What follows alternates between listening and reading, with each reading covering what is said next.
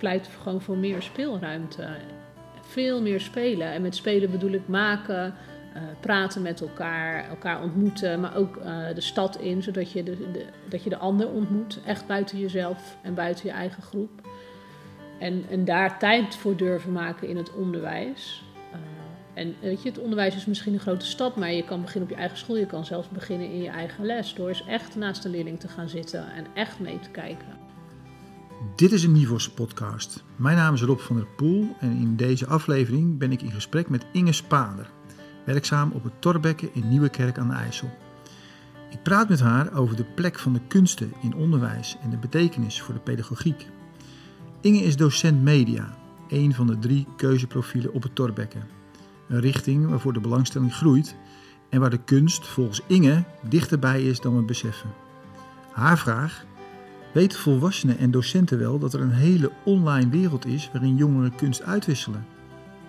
Ondertussen geniet Inge steeds meer van die fantasieverhalen, games en memes die op websites als DeviantArt, Instagram of Snapchat massaal gedeeld worden. Omdat voor mij laat zien dat, dat jongeren hun eigen weg ook vinden om uh, zichzelf te tonen aan de buitenwereld. En dat het ook logisch is dat ze daarin op zoek gaan naar uh, gelijkgestemden. Want je, je, bent misschien snel geneigd om te zeggen van nou, is dat dan echt kunst? Of is dat wel echt moeilijk wat je daar aan doen bent? Uh, dus omdat het de stap naar ons toe als volwassen wereld te groot is, doen ze dat dus onderling. En het is eigenlijk, denk ik, heel interessant voor ons om te kijken uh, hoe kunnen wij een stap naar deze, deze mensen, deze jongeren toezetten. In plaats van alleen maar te kijken naar hoe kunnen we ze naar ons toe halen. Meer dan twintig jaar beweegt Inge zich door het onderwijslandschap. Eigenlijk altijd op scholen of contexten waar contact en verbinding maken centraal staan. Ontmoeting, onderzoek, vertrouwen in het proces en in de leerling. Het zijn de pijlers waarop haar onderwijs en privéleven rusten. En waarop haar professionaliteit elke dag weer opnieuw vorm krijgt. Inge Spaander is een vakdocent en zoveel meer. Bij mij heeft nooit het vak voorop gestaan, maar altijd de pedagogiek, zegt ze in deze podcast. En in die praktijk spelen maakprocessen altijd een wezenlijke rol. Wat je ziet is dat als je dus met elkaar iets maakt, waarvan je eigenlijk van tevoren ook nog niet precies weet wat het is, want als je met mensen die allemaal, allemaal anders zijn en je kent elkaar misschien niet iets gaat maken, dan kun je nooit van tevoren weten wat het wordt. Maar als je dat aangaat met elkaar, hoe je dan de verbinding met elkaar vindt. Zonder dat je daar heel erg moeilijk voor moet doen of hele ingewikkelde gesprekken. Het hoeft niet geforceerd, er hoeven geen, geen werkvormen te worden verzonnen, want je werkt samen aan iets. En in dat proces ontmoet je elkaar, uh, heb je soms even een korte botsing. Je stelt elkaar vragen omdat je niet weet hoe je verder moet. Nieuwsgierigheid blijven zoeken binnen je school of vak, maar ook naar buiten. Dat mag je, meent Inge, als docent ook wel als een belangrijke opgave zien. In deze podcast van drie kwartier komt er ook veel voorbij. Haar start in het onderwijs, als docent omgangskunde, het schrijven van blogs en inspirerende pedagogische bronnen, haar betrokkenheid bij kunst- en cultuurorganisaties in Rotterdam, zoals bij Theater Babel, en natuurlijk de Meetup 010 avonden. Alles heeft bij Inge een plek. Zelfs Matthias, een van haar leerlingen die tijdens het gesprek bij toeval opduikt, is in de montage van deze podcast heel gebleven. Ja, leuk Inge. Ik ben bij jou op school. Je bent bij mij op school, ja. En uh, ik heb jou uh, ja, heel vaak gesproken. Ik ken je vanuit allerlei uh, onderwerpen en thema's, heb ik het idee. Maar nu ben ik op school. Het Torbekken voortgezet onderwijs in in uh, Nieuwekerk aan de IJssel. En jij bent daar docent media. Ja. En nou schreef jij mij in de aanloop naar, dit, uh, naar deze podcast... weten volwassenen en docenten wel dat er een hele online wereld is... waarin jongeren kunst uitwisselen. Dat vond ik een integrerende notie van jou in die mail waarover je het zou, onder andere zou willen hebben. Ja. Ja. deze vraag? Nou, uh, weet je, je leest toch veel uh, en je hoort ook veel dat, dat jongeren niet zoveel doen. Uh, ze lezen niet meer zoveel. ze kijken geen goede televisie. Nee, want ze kijken YouTube, dus dat is logisch. en Netflix. ze hebben geen interesse in kunst. En als ik om me heen kijk, zie ik zoveel leerlingen die juist heel erg online bezig zijn. Dus je hebt bijvoorbeeld uh, vind ik heel leuk. Je hebt websites waar jongeren uh, fantasyverhalen en avonturenverhalen opschrijven. En dat is echt een enorm grote community. En dat is wel eigenlijk allemaal in het Engels. Dus ja, de Nederlandse docent die zegt, ja, ze kunnen niet meer zo goed schrijven. Dat klopt misschien wel. Maar als je leest wat er in het Engels dan geproduceerd wordt, dat vind ik zo gaaf. Uh, hetzelfde geldt voor, dat is misschien onder mensen die echt zelf ook kunst maken wel iets bekender, maar DeviantArt. Uh, er wordt dus heel veel digitale kunst verzameld.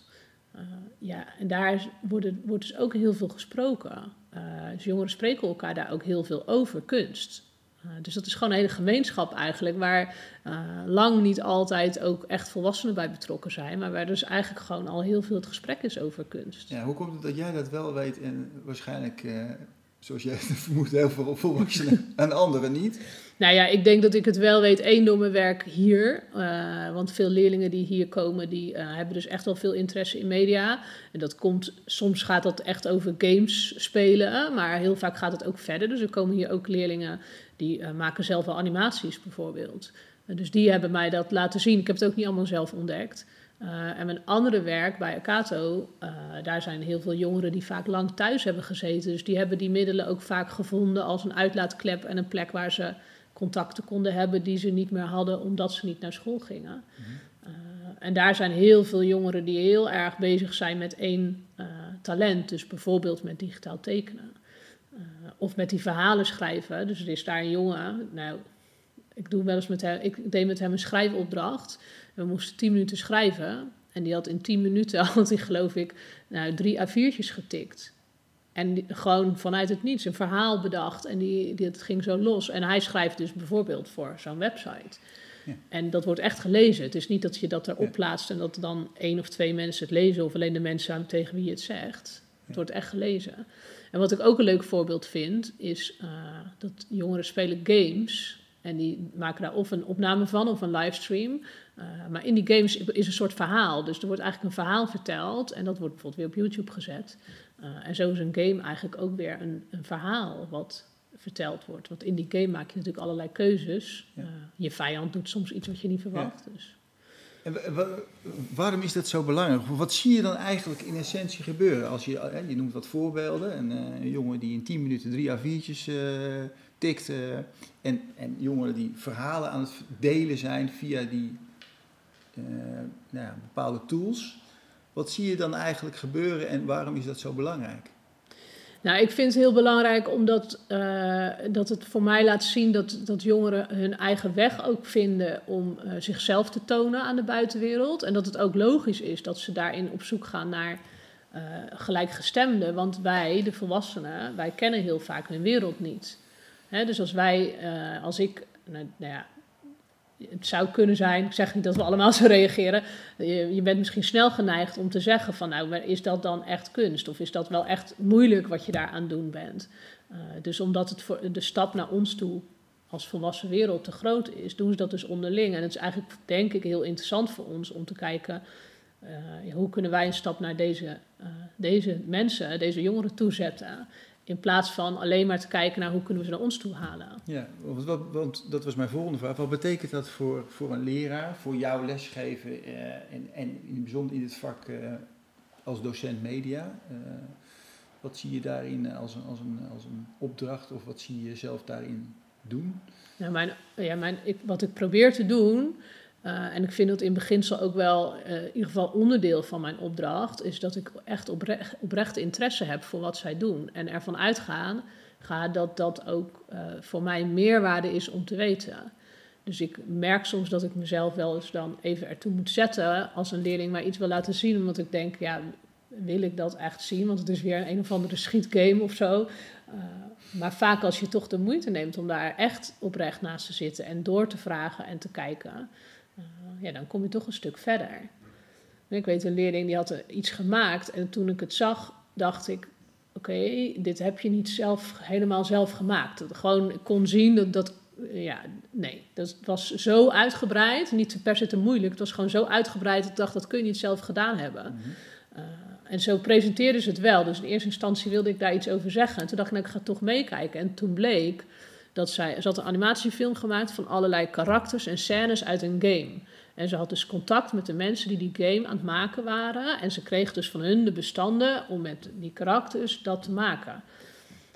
Dat is natuurlijk super gaaf. Ze heeft gewoon met een, een onbekende heeft ze contact gezocht om dat te doen. Ze deden dat uit met elkaar. Vervolgens die gamemakers die zeggen... wauw, wat een gaaf verhaal heb jij hiermee gemaakt. Die deden dat weer met andere mensen. Ja, had ik me niet kunnen voorstellen. Een meisje van 12. Hmm. Eh, je zegt, eh, hoe moeten ze niet zozeer naar ons toe halen, maar die beweging naar hun toe. eh, die interesse in, in wat die ander aan het maken is Mhm. of aan het, aan het bedenken is. Dat is eigenlijk een hele wezenlijke, in, ook in onderwijs. En ik wil trouwens niet zeggen dat je niet ook iets moet doen om ze naar ons toe te halen hoor. Maar ik denk wel dat een voorwaarde daarvoor wel is dat je eerst de stap naar hun toe durft te maken of wilt maken. En niet andersom. Een oprechte Ja. interesse hebt, maar niet zozeer omdat dat iets oplevert, maar omdat je werkelijk voelt, dat heeft mij ook iets te bieden. Ja, het, heeft, eh, eh, het, het gaat mij ook iets op, opleveren om daar goed naar te kijken en goed te luisteren naar wat zij zeggen.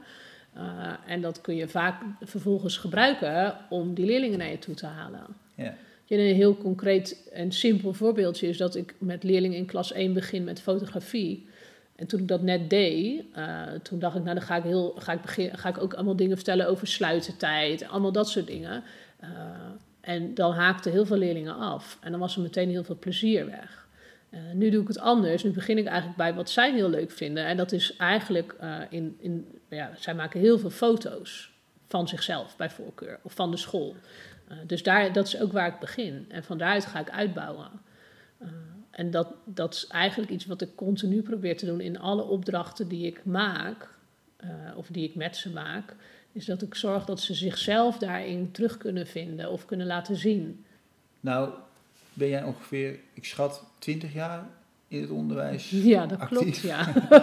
En- Lang hè? En daarin leggen we allemaal als leraar een bepaalde weg af. En zo sta je er nu in, zo kijk je naar leerlingen, zo ben je in, in, in interactie met ze. Kun je iets over die weg vertellen? Wat zijn belangrijke momenten voor jou geweest waardoor je bent op de plek en waardoor je kijkt naar de leerlingen op de manier zoals je nu naar ze Ja. kijkt? ja, toen ik begon in het onderwijs, toen had ik nog niet zo heel veel. Toen eh, studeerde ik omgangskunde, net een jaar. En eh, toen ging ik op het Vianova College werken. En ik had gesolliciteerd als onderwijsassistent, maar ze, die, die directeur die zei van nou, eh, je kan beter, er was een soort systeem samen opscholen, want eh, onderwijsassistent dan ga je je vervelen. Dus ik ging eigenlijk na een jaar opleiding ging ik aan de slag als een soort eh, ja, stagiair op de werkvloer, zoiets. Maar ik was ook co-mentor. En eigenlijk was ik toen denk ik al heel erg gericht op de leerling. Eh, en ik weet dat toen ook wel aan mij gevraagd werd, hoe komt dat nou? En als ik dan terugkijk naar mijn eigen middelbare schooltijd, denk ik, goh, ja, die ben ik doorgekomen. Maar er is niet echt iets uit mij opgehaald, zeg maar. Dus ik, ik ben hem doorgekomen, eh, nogal struikelend ook. ik ben er doorheen gekomen. Eh, maar ik hield toen bijvoorbeeld al heel erg veel van schrijven. En dat is eigenlijk, geen docent heeft dat geweten. Niemand heeft dat opgepikt. Niemand heeft dat Of opgepikt. daar iets jou in aangeboden waardoor Nee. je daarop door Nee. kon gaan of in verdiepen. Eh, en ik denk, ik was best slim. Eh, dus ik zat me toch vaak een beetje te vervelen. Nou, dit is denk ik een bekend verhaal wat veel mensen hebben meegemaakt. Maar da- daarin ben ik dus ook, daar is nooit in gezocht naar een uitdaging. Ik denk dat je dat nu wel wat meer ziet hoor in het onderwijs. Dat je niet meteen een soort enorme hoogbegaafde iemand moet zijn, heel uitzonderlijk. Dat ook voor gewone slimme mensen er wel gezocht wordt naar uitdaging. Maar ik heb dat wel een beetje gemist. Terwijl ik wel een leuke middelbare schooltijd had hoor. Dus ik hoef er niet alleen maar over te klagen. Ik heb dat zelf gemist. Eh, en ik ben eigenlijk meteen, toen ik op het Vianova College werkte en ook de scholen daarna, waren eigenlijk altijd scholen met een concept waarin die leerling ook al heel centraal stond. Dus misschien dat bij heel veel mensen zou het misschien andersom gaan. Hè? Je leert eerst les, je vak geven en dan gaat het pas over pe- pedagogiek en contact. Bij mij is het eigenlijk andersom gegaan. Je hebt je vak eigenlijk nog steeds niet eh, onder de knie. En nee, en ik heb ook niet echt een vak natuurlijk, want het vak dat ik hier geef, media, dat is een vak dat wij als school zelf voor kiezen om te geven. Dus dat geef ik zelf vorm. Ja. Dus dat klopt wel. Ja, En je, je vertelt al, eh, je, je hebt op verschillende plekken gezeten waar dat vak misschien eh, niet eens zo centraal stond. Ik weet dat je onder andere bij, op het Kastanje College Ja. gewerkt hebt. Waar je eigenlijk een aantal jaar met een vaste groep hebt doorgebracht. Eh, wat natuurlijk ook al een hele andere setting is eh, als de meeste leraren, VO-leraren meemaken. Ja. Wat heb je, daar, heb je, ja, wat heb je daarin ontdekt in dit opzicht? Nou, wat ik daar ontdekt heb is dat je uh, echt voor de volle 100% moet vertrouwen op dat elke leerling zich goed wil voelen en wil leren. Dus alles wat er misgaat in, je, in die omgeving waarin jij met die leerling bent, als de leerling zich uh, niet doet wat jij vraagt, of heel vervelend is, of niet op komt dagen, hè, dat zijn allemaal dingen die kunnen gebeuren. het, gaat, het is altijd is er iets waarom dat is. Want in de kern wil iedereen, elk kind wil leren en zich goed voelen.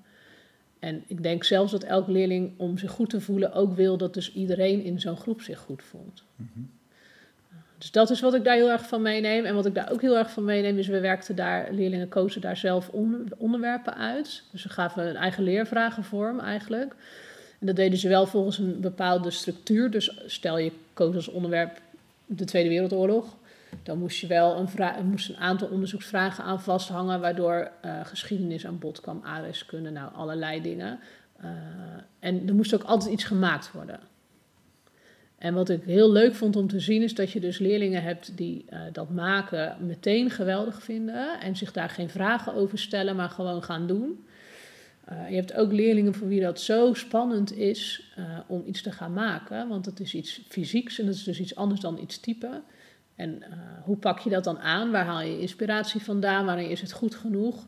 En die, dus die twee groepen, ja, voor mij is het dus twee groepen leerlingen. En dat zie je ook wel in hoe ze andere vormen van dus bijvoorbeeld studeren voor een toets of zo aanpakken. En die twee, en er zitten natuurlijk ook nog weer allemaal kinderen tussenin, uh, maar je moet dat wel allemaal durven bedienen. Dus je moet alle twee, al die manieren, die zijn er en die zijn ook allemaal goed. Uh, maar als docent is het wel jouw taak om aan al die kinderen de ruimte te geven om het goed te doen. Mhm. Of in ieder geval voor hunzelf goed te doen. Mhm. En waar, waar ontstaat er weerstand? Het werk van bijvoorbeeld Merieux, hè, uh, Franse uh, pedagoog, schrijft over de plicht om weerstand te bieden. Mhm. ik hoor je zeggen, je bedient leerlingen, je probeert elke leerling in een bepaald opzicht te bedienen. En er is ook een spanningsveld wat je denk ik, ja. wil, wil bieden. Zodat ze een bepaalde verantwoordelijke, of dat ze ook zichzelf tegenkomen. Ja, in het bijzonder zo'n groep die bijvoorbeeld uh, zich geen weg weet in dat maakproces. Nou ja, die, kijk, die groep begint natuurlijk al met, op dat vlak hebben ze al meteen weerstand. Hè? Dus die, eh, die voelen al weerstand omdat ze daar niet kunnen komen. Dus hoe, hoe help je ze eigenlijk om die, die, die weerstand toch uh, te overwinnen? Uh, zonder dat je ze, dingen voor ze invult. Dat is dan denk ik de vraag. En daarvoor is het, dat is volgens mij altijd heel spannend, want dat betekent dat je je eigen uh, waarden of je eigen eisen moet loslaten. Dus dat is volgens mij die, die groep, dat is, ja, dat is natuurlijk hartstikke moeilijk. Of ook moet inbrengen, misschien wel. Of en ook moet inbrengen. Je moet ze loslaten, maar wel inbrengen. Iets inbrengen, of bedoel je, je jezelf inbrengen. Ja, jezelf inbrengen. Met jouw waarden, of met jouw hele zijn. Waar ook dat maakproces misschien wel een hele belangrijke. Ik denk dat je altijd jezelf, tenminste, ik breng altijd mezelf mee en in. Uh, maar het kan ook, dus dat, dat kan uh, een mooi voorbeeld zijn, het kan een spiegel zijn. Hè, dat je eigenlijk ontmoet de leerling dan echt een ander en niet de docent. De leerling ontmoet jou. Uh, dus het is spannend. En als docent is, wat daar als docent denk ik dan spannend aan is, is dat de ontmoeting met jou natuurlijk niet per se hoeft op te leveren dat dat, dat kind gaat doen zoals jij deed of doet. Nee, het kan het doel niet zijn. Nee. Mag het doel niet zijn. Het mag het doel niet zijn, terwijl ik toch denk dat we dat vaak wel uh, daar geneigd toe zijn. Ja. dus dat is denk ik spannend. En, Gaan we aan die leerling trekken? Onbewust. Ja, je trekt aan die leerling en je vindt dat het zo moet. En je, kijk, nu hebben we het eigenlijk over het maakproces, maar je, je ziet het ook met dingen als uh, huiswerk maken. Kijk, als ik uh, huiswerk opgeef, wat ik voor mijn vak eigenlijk niet doe, maar stel, uh, heb ik in mijn leven wel gedaan, dan wil ik dat dat huiswerk gemaakt wordt. Maar wil ik dat dan, waarom wil ik dat dan precies? Is het dat ik echt wil dat die kinderen daar iets van leren, of is het dat ik wil, ik heb het gezegd, dus het moet gebeuren? En zijn er dan kinderen die kunnen beslissen, mogen ze beslissen om het niet te doen op basis van ik heb geen zin? Mogen ze beslissen het niet te doen omdat ze denken, nou ik weet dit al, ik snap mhm. dit al? En welke keuzes mag een kind daarin maken? Mhm. Je noemt al een aantal begrippen hè, die in, jou, in jouw leven, in jouw onderwijsleven uh, belangrijk zijn. Uh, ontmoeting, onderzoek, ja. het vertrouwen wat je heel duidelijk in, uh, in het proces heeft, maar ook in die, in die leerling, in je voorbeelden. Je nieuwsgierigheid. Dat zijn pijlers waarop je je leven en je onderwijsleven leeft. Ja. En die, en die zijn onverwoestbaar. Dat hoop ik wel in ieder geval. Ja, dat probeer ik wel zo te houden. En ik denk ook dat dat wel. Uh, dat je dat als docent ook wel als een opgave mag zien. Dat dat onderdeel is van, van je professionaliteit. Dat je dus die nieuwsgierigheid blijft zoeken. En dat hoeft niet per se alleen maar binnen de school waar je werkt en binnen je vak. Uh, dat kan ook naar buiten. En ik denk dat. Uh, dat heb ik wel veel gedaan ook in mijn leven. Door de documentaire die ik gemaakt heb, de stukken die ik voor, uh, geschreven heb voor het kind, onderwijsavonden bezoeken, uh, Meetup 010 zorgt natuurlijk voor veel ontmoetingen. Dus uh, daarmee, door dus die ontmoeting met de ander, voed je je eigen nieuwsgierigheid. Ja, want daar zie je het in terug, je nieuwsgierigheid in de veelheid van, zou ik bijna willen zeggen, van bewegingen die je altijd hebt gemaakt naar buiten toe, naar de ander toe, ja. naar het andere om te ontdekken wat, dat, wat daar is en wat het voor jou te bieden heeft. Ja. Of wat het in die Ja. ontmoeting te bieden heeft. Ja. Ja, en dat kunnen soms hele concrete opbrengsten zijn. Hè? Dus een, een voorbeeld dat iemand geeft eh, waarvan je denkt, oh ja, zo kan ik het ook aanpakken. Uh, maar veel vaker is het denk ik uh, niet zo te duiden wat dat is. En ik denk dat voor veel, nou, we hebben natuurlijk bij het, bij het kind veel ontmoetingen gehad met bloggers.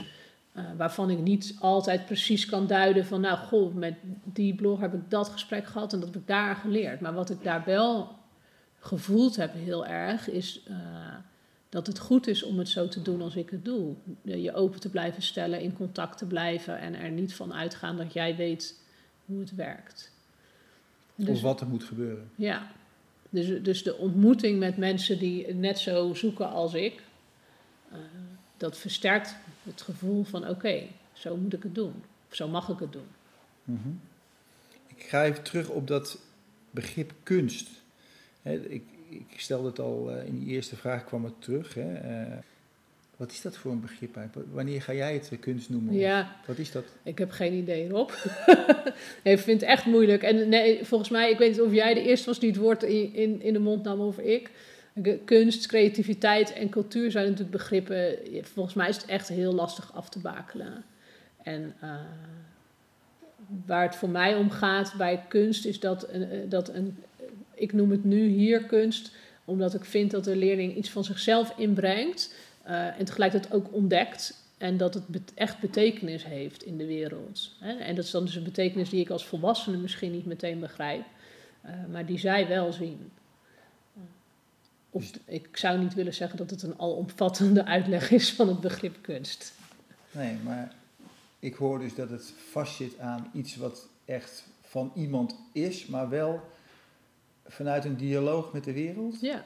Altijd. En, de, en het roept ook dialoog op. Ja, en dan bij dialoog kun je natuurlijk meteen uh, voor je zien dat er echt over gesproken wordt, maar dat hoeft natuurlijk niet. Zo'n een interne dialoog is ook een dialoog. Dus in die zin uh, denk ik dat het wel klopt wat je zegt. Ja. En de, uh, wat ik dus veel heb gezien bij de leerlingen bij Akato, dat die, uh, het komt heel erg vanuit zichzelf. maar zij zijn, zij zijn niet, letterlijk niet zoveel in de wereld, omdat ze niet zoveel naar school gaan, bijvoorbeeld. Uh, maar dat is, dan ben je toch ook heel erg uh, in relatie tot de wereld. Het is een hele ingewikkelde relatie, maar je bent natuurlijk, als jij thuis zit, continu aan het nadenken over wat jouw relatie tot die wereld nou is. En dus, dus die relatie tot de wereld die kunst dan heeft, die kan ook heel, ook heel erg in iemand zitten. Mm-hmm. Wakkert het iets aan? Uh, in de zin van, ik zat eergisteren geloof ik een, een, een, serie te kijken op Netflix en dat heette The Art of Design. Mm-hmm.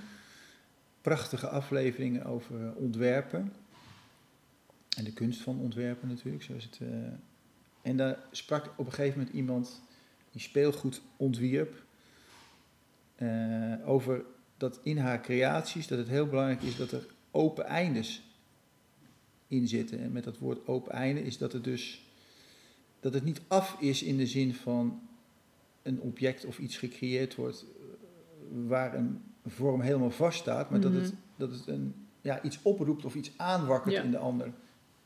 Een vervolg of iets in beweging brengt. Ook bij degene die daar naar kijkt Naar of, kijkt da- of, eh, daarmee ja. aan het werk Ja. gaat. Ja, ik moet er even over nadenken, over een open einde.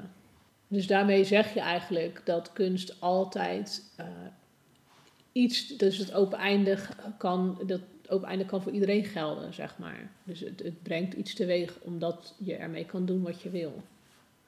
Het is nooit af. Nee. Je maakt misschien iets, maar je weet ook dat het weer het volgende in gang zet. Omdat het een, ja, een voortdurende dialoog Ja. is. Zowel voor de maker als voor de, misschien voor de, voor de waarnemer of voor degene die daar getuige van is. Ja. Maar het is wel interessant, hè? want als je dan kijkt naar bijvoorbeeld, eh, volgens mij had ik daar ook al iets naar geschreven over je, naar, naar veel jongeren zijn nu bezig met memes. Is dat dan ook kunst? Dat, vind ik eh, een leuk voorbeeld van eh, iets waar dus heel erg veel mee gespeeld wordt door jongeren. En, en, waar, en trouwens niet alleen jongeren hoor. Leg even uit wat memes zijn. Want het, Eh, nou, een meme kan bijvoorbeeld zijn eh, een, eh, een plaatje waar je een tekst bij maakt waarmee je iets vaak een beetje iets sarcastisch duidelijk wil maken. En hier in het lokaal hangt een plaatje, ik kan het wel even beschrijven. Een jongen heeft een fotootje van raceauto's, dus allemaal raceauto's. En er staat boven, als je van gym naar de mediales moet. Dus dat betekent van jemig vanuit gym naar media moeten we ons altijd echt enorm haasten. Eh, een andere die hier hangt is een foto van mij. En eh, daar staat boven I see you. Dat is, een, dat is een tekst uit een film. Ik weet even niet welke film. En eh, ze hebben bedacht van nou, dat hangen we dan op. Want Spaande let altijd op ons of we aan het werk zijn en zo. Eh, nou ja, als je een beetje go- googelt op memes, maar je hebt er heel veel met Trump erin bijvoorbeeld. Maar het is een heel leuk proces, want je, eh, eh, je, gaat op zoek, je gaat op zoek naar beeldmateriaal en vaak, niet altijd, maar vaak zijn de teksten ook nog al bestaande teksten. Eh, en, en als je een meme maakt, gaat het heel vaak over iets wat jij, heel, wat jij voelt. En vervolgens deel je die. En dan zijn er dus allemaal mensen die denken: hé, hey, dat, dat moet ik om lachen. Het feit dat je erom moet lachen betekent meestal: hé, hey, dat voel ik ook. En vervolgens worden die memes worden natuurlijk wereldwijd gedeeld via Twitter, Facebook, Insta, nou, noem maar op. Eh, dus dat is, ik vind het een heel erg grappig middel. En die memes hoeven ook niet heel erg ingewikkeld gemaakt te worden. Dus je, je kan een meme kun je in principe in 10 seconden in elkaar zetten als je een beetje weet eh, je je weg kunt vinden in apps en Photoshop en zo. ik heb ook het idee dat dit niet bedacht is. Dat dit er gewoon ineens uit een soort impuls wordt gemaakt. Ja, ja En dat, dat- klopt. En dat mensen en, en kinderen en eh, daar steeds meer gewoon op bewegen en Ja. delen. Nou ja, en wat grappig is, is als je dus. eh, eh, er zijn dus gewoon hele. Eh, bijvoorbeeld heel veel memes over games of over films over series. Als je daar niet in zit, snap je er echt geen hout van. Dus je zit naar iets te kijken. Ik had vandaag nog een leerling die liet een soort eh, animatietje van verschillende dingen aan mij zien. En die zat zich helemaal rot te lachen. Maar ik snapte gewoon niet waar het over ging. En ik voelde me ontzettend dom. En hij maar lachen en lachen. En ik maar denken, oh, ik ben echt dom. Ik zeg, waar, ik snap het echt niet. En toen hij me uitlegde, snapte ik het nog steeds niet. Maar het is dus ook leuk, omdat je ook, dus ook in een bepaalde groep terechtkomt. Eigenlijk. Komt er een leerling binnen. Even tussendoor. Hij wil je wat laten zien. Kom je even iets laten zien? Kom het laten zien eventjes. Oké. Want dit ga, is nou net eigenlijk waar we het een beetje over hebben, Ja? Matthias. Ja. Wat, eh, wat eh, komt hij brengen? Matthias eh, is dus een medialeerling. En eh, die heeft een strip gemaakt met de hand. Dus heeft eigenlijk, je zou kunnen zeggen, heeft dat nou met media te maken? Maar dat heeft het natuurlijk wel, want het vertelt een verhaal. En ik ken Matthias nog niet zo lang, want Matthias zit hier pas net op school. Maar zijn broer zit al wel twee, meer dan twee jaar bij mij in de klas. Hmm. Eh, en die kan heel erg veel op de computer. Ik weet, kan jij eigenlijk ook veel op de computer? Nou, het valt wel mee. Een beetje, maar het blijkt dus dat Matthias echt ontzettend goed kan tekenen. Ik weet niet of hij het zelf eigenlijk wist. Wist je het zelf? Dat je goed kon tekenen. Ja, ik zit ook wel op tekenles, dus ik heb wel Hmm. een klein voordeeltje, maar ik, ik vind het wel meevallen. Maar je vindt het vooral leuk ook, denk ik. Ja, En de opdracht was, Eh, dus het is voor de eerste klas, ze zitten nu drie weken hier op school. Breng die eerste drie weken in beeld. Ja. En beeld mag zijn op de computer. eh, Je mag ook woorden gebruiken om het in beeld te brengen. En Matthias was eigenlijk de enige die zei: hey, mag ik niet gewoon een strip tekenen? Ja. Nou, en ja, ik kan hem niet laten zien door de podcast heen natuurlijk. Maar het is gewoon heel gaaf, omdat hij, hij heeft echt een goede titel. Namelijk niet iets van eh, mijn eerste schooldag, maar Kom nooit te laat. Dus je weet al waar het naartoe gaat in dit stripverhaal. En wat je dan heel goed kan zien, is dat hij heel erg gebruik maakt van eh, verschillende perspectieven. Dus we zien hem fietsen, wel naast een soort palmboom trouwens. Toen was het nog heel mooi weer, hè? Ja. Ja, echt leuk. En dan op een gegeven moment kun je ook zien dat hij, weet je, dus dan pakt hij een telefoontje, dat springt eruit, de tekst springt eruit. Hij maakt verschillende, gebruik van verschillende soorten vakken. Nou, het is gewoon echt heel tof. Ja. Dit heb je gewoon eventjes, eh, nou eventjes bedacht, gedaan. Ja, en Ja. kijk nou, ik heb deze pagina heb ik dus nog niet gez- helemaal gezien. Nee, vertel maar, Matthias. Het is gebaseerd op een echt verhaal. Ja, niet, niet alles is echt, maar het meeste wel. Maar dat is dus gaaf. Dus hij heeft een, eh, iets wat hem zelf is overkomen, heeft Ja. hij groter gemaakt. En kijk nou naar deze laatste zin. Ik moet er echt om lachen. Viel ik keihard met de deur in huis. Dat is Ja, dat is dus wel echt gebeurd. Ja. Maar het is gebaseerd op een echt verhaal. zeg. Ja. Ja, mag ik een foto maken ervan? Ja hoor. Want dit is natuurlijk wel eh, art. Hij is echt heel gaaf. Bedankt dat je hem nog even kan brengen, want dat heb ik hem Ja. nog even gezien voor het weekend. Maar ja, ik, ik wil eigenlijk gewoon hier... Nee, dat mag. Leg hem daar maar neer. Ik wist niet eens dat, dat het lokaal open zat. hey, want volgende week gaan we dan even inscannen, goed? Ja. Heel cool. Dag. Fijn Doei. weekend. Veel succes. Dankjewel. Leuk, Schattig, hè? prachtig. Hey, en ehm, je, hebt, je bent ook een van de. Nou, ik weet niet, nee, je was niet initiatiefnemer, maar je hebt je heel vroeg aangesloten bij het, eh, het Akato-project hier in, eh, Ja. in Rotterdam. Voor thuiszitters en, eh, en jongeren met autisme. Zo Ja. staat het geloof ik officieel op de, op de website. Klopt. Ja. De, de groep kinderen en jongeren die ja, in het systeem geen, niet hun draai vinden. Ja. Je eh, met hart en ziel voor ingezet en nog steeds ben je eraan verbonden. Wat heb je daar ontdekt ook, met name in, die, eh, in relatie tot wat je nu ook verteld hebt? Nou, wat ik eh, iets heel concreets heb ik ontdekt over onderwijs. Namelijk dat dus binnen het onderwijs echt kunst en cultuur vaak een beetje in de marge zit. En veel van de leerlingen die uiteindelijk bij ons terechtkwamen, die hebben daarvoor ook in het speciaal. Dus die zijn vaak niet vastgelopen in het regulier. Ja, ook. Maar toen zijn ze nog naar het speciaal onderwijs gegaan. Daar vaak vastgelopen. En daar is helemaal heel weinig eh, tijd voor kunst en cultuur. Oh dus daar, daar is zeg maar het zorgen dat kinderen eh, richting een diploma gaan, dat die, die, ja, die wens is zo groot, die overheerst alles. Dat, Mm. Kinderen moeten ook een diploma. Eh, alle kinderen moeten natuurlijk een diploma, hoe je het ook went of keert, of juist allemaal niet, kan ook. Eh, dus, dus dat stukje eh, waarvan, eh, waarvan ik denk, juist als je het niet zo makkelijk hebt, De bel. dit is de bel. Ja. Dus er komen nu ook wat kinderen voorbij, denk ik. Niet zoveel meer op vrijdagmiddag. Ja. Ehm, het stukje dat als je het dus al niet zo makkelijk hebt en je bent heel erg zoekend naar je, naar je plekje in de wereld, dan zou juist dus zoiets iets ma- maken, kan je dan heel erg helpen om je eigen grenzen te ervaren, de grenzen van de wereld op te zoeken. Eh, en je komt dan eigenlijk heel vaak op een school waar, terecht waar daar geen plek voor is.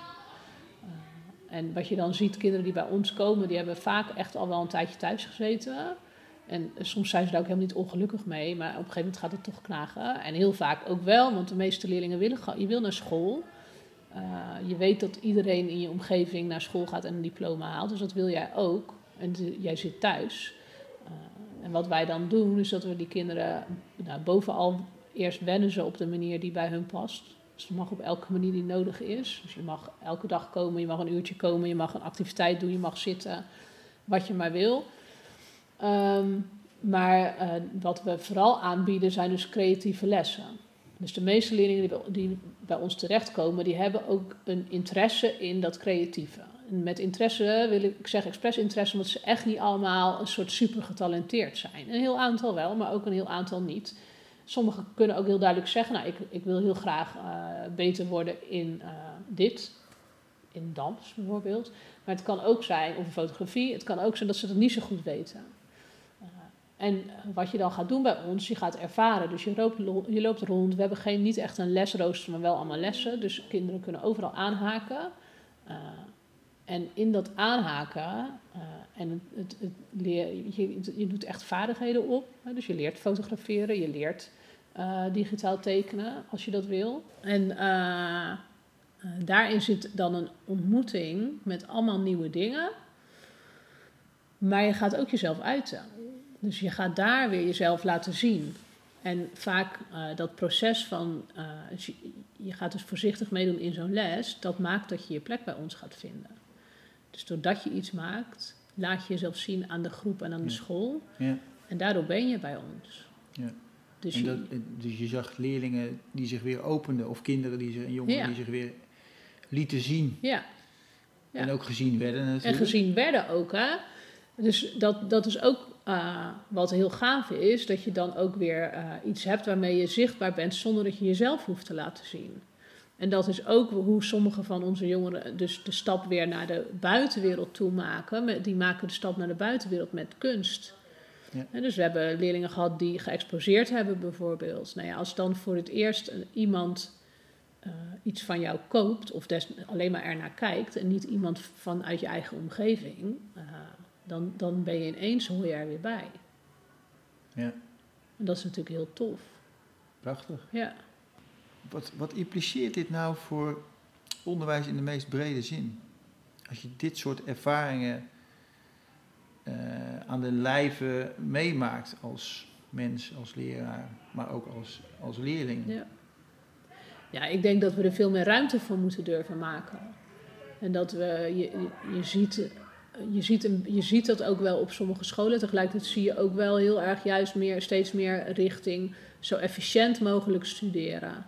Dus digitalisering is natuurlijk prachtig in het onderwijs, maar je ziet dat het gevolg vaak is dat je nog efficiënter richting je diploma moet.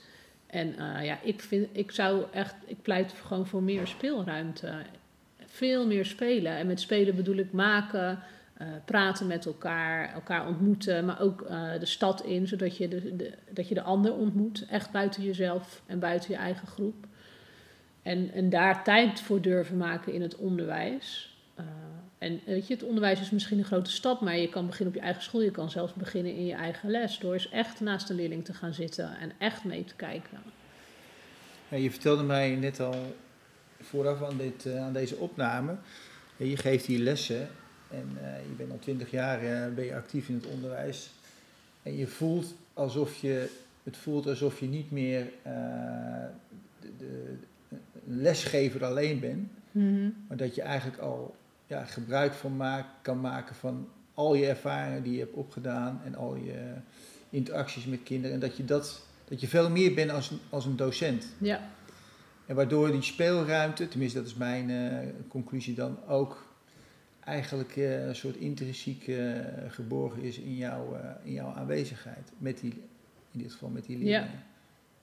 Dus er wordt hier niet alleen maar nou ja, gewerkt aan hoe je bepaalde filmpjes maakt. Of, nee. nee, er zit altijd veel meer in. Dus het, het, het, de, en dat komt deels door hoe ik dan een opdracht inricht, maar ook in hoe je bent in de les met elkaar en waar je belang aan hecht. Dus ik, als ik met de eerste jaar start, we zitten nu in week drie, denk ik, week vier al. En uh, nog steeds elke les start ik met een soort van kennismakingsopdracht. En dat kost heel veel tijd, ja, dat kost heel veel tijd. Maar het is ook heel leuk en heel belangrijk. En je ziet dat kinderen daardoor makkelijker gaan bewegen binnen de les. Ze zijn makkelijker met dingen tegen mij zeggen. Maar ik zie ook op de gangen dat ze makkelijker met elkaar omgaan. En, het wordt, uh, en als je als docent dat continu doet, wordt het voor hen ook veel normaler om ook daar aandacht aan te blijven geven. Mm. Is dat vaak in het begin van het schooljaar, uh, zeker in het VO, uh, het belangrijkste wat je te doen hebt? Vind het, ik wel. Het ja. blijft natuurlijk een belangrijk je, aandachtspunt. Het, maar... het moet continu blijven. En ik zat net even te denken dat in, vroeger, toen ik zeg maar net in het onderwijs zat, dat je dan vaak, uh, dan zei iets van ja, je moet, was vaak de discussie, ben je dan inderdaad een docent en neem je dan je, je, jezelf mee of niet? En nu denk ik, goh, dat is helemaal niet meer eh, voor mij of niet in vragen. Ik ben gewoon daar. Ja. En er zijn niet meer die verschillende stukjes. Het is Nee. allemaal één geworden. Ja. En eigenlijk zou ik dat dus ook wensen dat een leerling ook zo hier kan zijn. Dat je dus Ja. niet hier bent als leerling, maar hier bent als jezelf. Ja. En dat je weet dat het mag, dat iedereen jou oké vindt. Ja. Ja. ja, binnen deze school ook eh, naast deze, naast dit docentschap ook een eh, opdracht gekregen om eh, cultuur en burgerschap, ja, zoals je het zelf schreef, wat meer op de kaart te krijgen binnen de, binnen de school. Als onderdeel van de identiteit van de school, zo Ja. lees ik het terug. En ook misschien wel Torbekke breed, want Torbekke is een, is een scholengemeenschap. Tenminste, een aantal scholen zijn Ja. het in Rotterdam en omgeving, vier om precies te zijn. En je bent daar net een maandje, vier, vijf weken, Ja. heb je die opdracht aanvaard. En wat, wat, wat heb je gedaan? Hoe, hoe zit je erin? Nou, dat is echt een goede vraag. ik ben nog een, eh, eigenlijk, ik, ik zie het nu als een fase waarin, eh nou, zo, zo je zou het kunnen zeggen, oriëntatiefase. Dus ik ben op alle locaties aan het praten met eh, directeuren, teamleiders, soms ook met docenten. Eh, en ik ben aan het kijken van, wat is er nou allemaal op al die locaties? Want dat er al veel is, dat is eh, duidelijk. En natuurlijk verschilt het per locatie wat het dan is en hoe het zijn vorm heeft gekregen in het onderwijs. Maar dat wat er is, is wel belangrijk om mee te nemen. Omdat wat er al is op een school, heeft dus ook vaak, ja, dat vinden ze dus ook vaak belangrijk. Dus uit wat er is kun je vaak al halen wat er op zo'n school belangrijk is. Eh, dus ik zit eigenlijk nu nog in die oriëntatiefase. Ehm, en eh, wat ik zou willen is dat we voor het komend jaar dat er een aantal, eh, dat je een aantal, het gaat erom om inderdaad cultuur en burgerschap wat meer op de kaart te brengen, maar het gaat ook wel om dat we die locaties wat meer een identiteit laten vinden in wat vinden wij dan dat burgerschap of burgerschapsonderwijs is en wat cultuur dan inhoudt op onze scholen. En om dat te doen moet je natuurlijk beginnen bij dat je elkaar daarin ontmoet. Dus de directeuren, de docenten, de leerlingen. En eh, van de vier locaties staan er drie best dicht bij elkaar. Eh, maar er zitten ook heel veel leerlingen die niet allemaal uit de buurt van de school komen. Dus die ontmoeting is eigenlijk ook best spannend. En het is een hele leuke, wat er heel leuk is, denk ik, aan deze school, is dat er heel veel topsporters zijn. Eh, en, maar dat doet ook, eh, ik zeg maar, dat bedoel, ik bedoel niet maar, het doet iets in je school, topsport. Ja. Dat, dat, de, want als je topsporter bent, ik heb- ben zelf tot mijn veertiende, dus dat is heel lang geleden, heb ik heel veel gezwommen. Als in gewoon acht, negen keer in de week trainen, zeg maar. Eh, en ik weet wat dat met je doet. Dat maakt dat, dat, eh, maakt dat je heel gefocust bent daarop. En eh, dat school dus ook heel erg gericht gaat zijn op, op schoolvakken. Terwijl school eigenlijk ook een andere taak heeft. Mhm. Dus dat onderzoek naar hoe kan je nou die leerlingen elkaar laten ontmoeten, de docenten elkaar laten ontmoeten. Ik denk dat dat voor dit jaar een heel spannende uitdaging is voor ons allemaal. Dan helpt het ook wel, denk ik, dat je ook volgens mij deels verbonden bent geweest, of misschien nog wel aan Theater Babel Mhm. hier in Rotterdam, wat heel erg inclusief Ja. eh, denkt, werkt en eh, ook voor die ontmoetingen gaat. Als een belangrijke pijler voor een, voor een, voor een inclusieve samenleving. En ook voor nou ja, cultuur uit te dragen en te maken Ja. met elkaar. Ja. Je bent er nog steeds aan Ik ben er verbonden? niet meer aan verbonden. Eh, maar het klopt wel wat je zegt. Eh en de tijd dat ik daar ben geweest, heeft voor mij ook echt wel daar heel erg iets in gedaan. Dat eh, het gemak dat daar heerst in hoe mensen die opgeleid zijn als theatermaker en mensen die dat bijvoorbeeld vanuit dagbesteding doen, met elkaar samenwerken. En, en hoe, ja, hoe natuurlijk zich dat eigenlijk vormgeeft en hoe men elkaar vindt. Ja, als je dat, dat zou wel mooi zijn als de samenleving zo. eh, is een kunst op was. zichzelf. dat, ja, dat is kunst op zichzelf, ja. ja. Nog los van die voorstellingen. Ja. Die, eh, En, en wat ik er heel tof aan vind, eh, en dat je dus daar, wat je ziet, is dat als je dus met elkaar iets maakt, waarvan je eigenlijk van tevoren ook nog niet precies weet wat het is. Want als je met mensen die allemaal, allemaal anders zijn en je kent elkaar misschien niet iets gaat maken, dan kun je nooit van tevoren weten wat het wordt. Maar als je dat aangaat met elkaar, hoe je dan de verbinding met elkaar vindt. Zonder dat je daar heel erg moeilijk voor moet doen of hele ingewikkelde gesprekken. Het hoeft niet geforceerd, er hoeven geen, geen werkvormen te worden verzonnen, want je werkt samen aan iets. En Ja. in dat proces ontmoet je elkaar, eh, heb je soms even een korte botsing, eh, of je stelt elkaar vragen omdat je niet weet hoe je verder moet. Eh, en dat is voor mij wel precies waarom ik denk, als je dus als vier scholen samen een, een, soort identiteit wil vinden ergens in, kun je daar natuurlijk over praten, moet je denk ik ook zeker wel doen. En je moet het ook gewoon gaan doen. Je moet gewoon dingen gaan doen samen. Ga maar maken en dan ontdek je het wel. Dan kan ik me voorstellen dat Paul Rutger is de, is de, is de, nou ja, de man achter Theater Babel. Mhm. Dat zal een inspiratiebron voor je, voor je zijn, Mhm. mogelijk.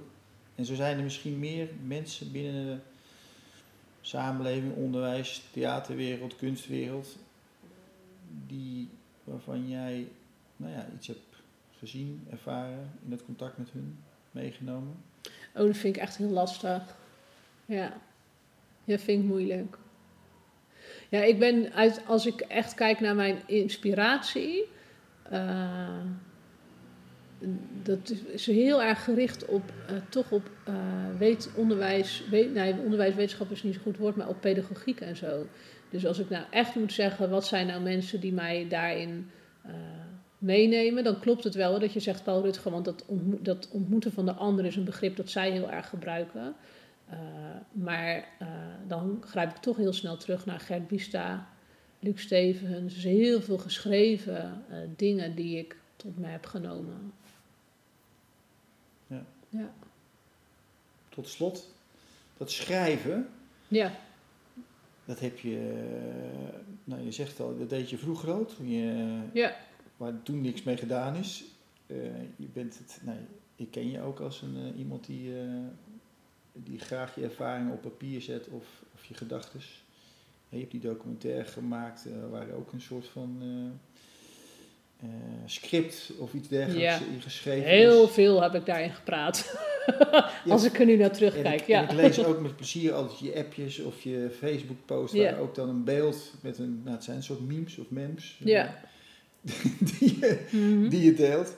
Dus de woorden in combinatie met het beeld, dat heeft jouw eh, aandacht altijd al een beetje Ja. gehad. Jij zegt dat nu.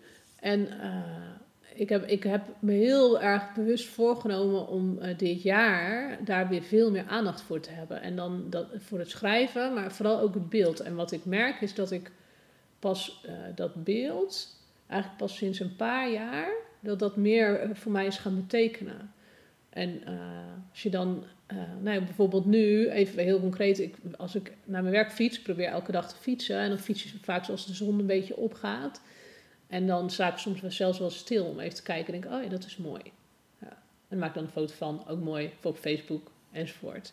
Eh, maar ik weet ook nog heel goed de eerste keer dat beeld en onderwijs heel erg voor mij verbonden waren. Er was een tentoonstelling in het eh, Fotomuseum in Rotterdam. En ik weet de naam van de kunstenaar niet meer, maar die had in eh, klaslokalen heel, heel korte filmpjes van de klas opgenomen. Maar dan, in mijn herinnering bewogen ze niet, zeg maar. Was de bedoeling. Maar deden ze natuurlijk wel, want het waren kinderen. Eh, en dat waren geloof ik wel iets van, ik denk wel 20 of 30 van die filmpjes. En op allemaal verschillende plekken en in verschillende tijden. En dat was echt te gek. En toen, dat was een van mijn eerste ervaringen dat ik dacht, oh ja, dat kan dus, op die manier kan kunst ook mijn onderwijs eh, aanraken. Gewoon alleen maar door er naar te kijken. Mhm. Ja, en je vertelde me ook eerder dat je het je ook wel aansprak om podcasts te maken. Ja. Dus als ik jou nu vraag, wie is de volgende die jij zou graag wil, wil spreken in een podcast? Oh, leuk. En dat ik dat mag doen? Ja? Oh ja, dat weet ik wel. Ze, we- ze weet dat zelf niet, dus ik weet niet of ze dan ja of nee gaat zeggen. Eh, dat is Mirjam van Tilburg. Ik weet niet of je haar naam kent. Nee, nog niet. Ja, zij werkte tot twee weken geleden eh, voor de KCR. Eh, zij, zij is bezig met een onderzoek eh, naar eh, de ruimte bij docenten, dus bijvoorbeeld pedagogische ruimte. Het is echt heel interessant. En ze, komt zelf, ze, is zelf ook, ze heeft ook op de kunstacademie in Rotterdam gewerkt. Eh, dus ja, dat is heel interessant. Ja. KCR, even voor de goede is.